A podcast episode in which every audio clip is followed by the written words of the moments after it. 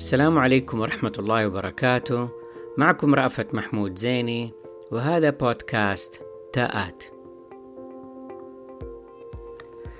حلقة اليوم بعنوان ثمرات الاستباق. استباق زحمة المشاغل اليومية بالعمل على مهام مستقبلية ثماره ملهمة ومحفزة.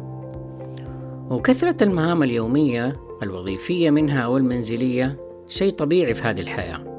وإن تقلصت تلك المشاغل فلربما شعرنا بالفراغ أو بالقلق خوفا من تراجع أدوارنا وأهمية وجودنا في حياة من هم حولنا.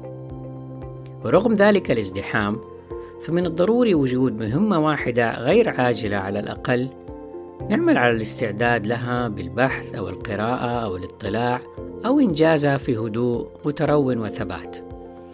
قبل أن تصبح على المسار الحرج فتغدو نقطة اختناق تخنقنا قبل غيرنا لا قدر الله.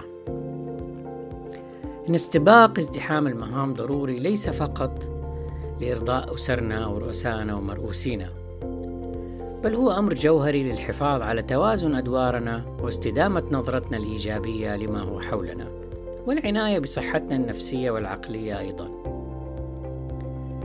يرجع سبب ذلك الأثر الإيجابي في الغالب إلى رغبتنا المستمرة في تجاوز التوقعات والعطاء والإرضاء اللي يجلب مشاعر السعادة دون شك كما أنه يمنحنا شعور بالسيطرة النسبية على أحداث حياتنا اليومية وذلك بضبط التوازن بين المبادرة الذاتية من جهة والاستجابة السريعة للطلبات المتدفقة من جهة أخرى.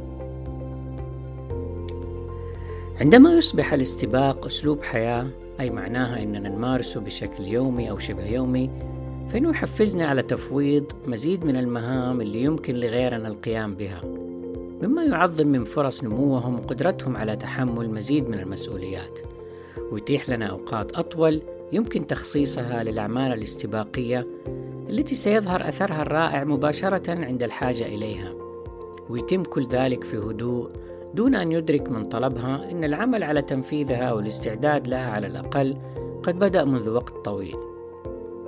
كما أدرك يقينا أن مشاهدة نمو من حولنا وتألقهم نتيجة الاستثمار في تنميتهم يولد لدينا شعور غامر بالسعادة والفخر الذي لا يوصف، ويشحن طاقتنا ويصفي أذهاننا ويحثنا على مزيد من البذل والعطاء دون كلل أو ملل.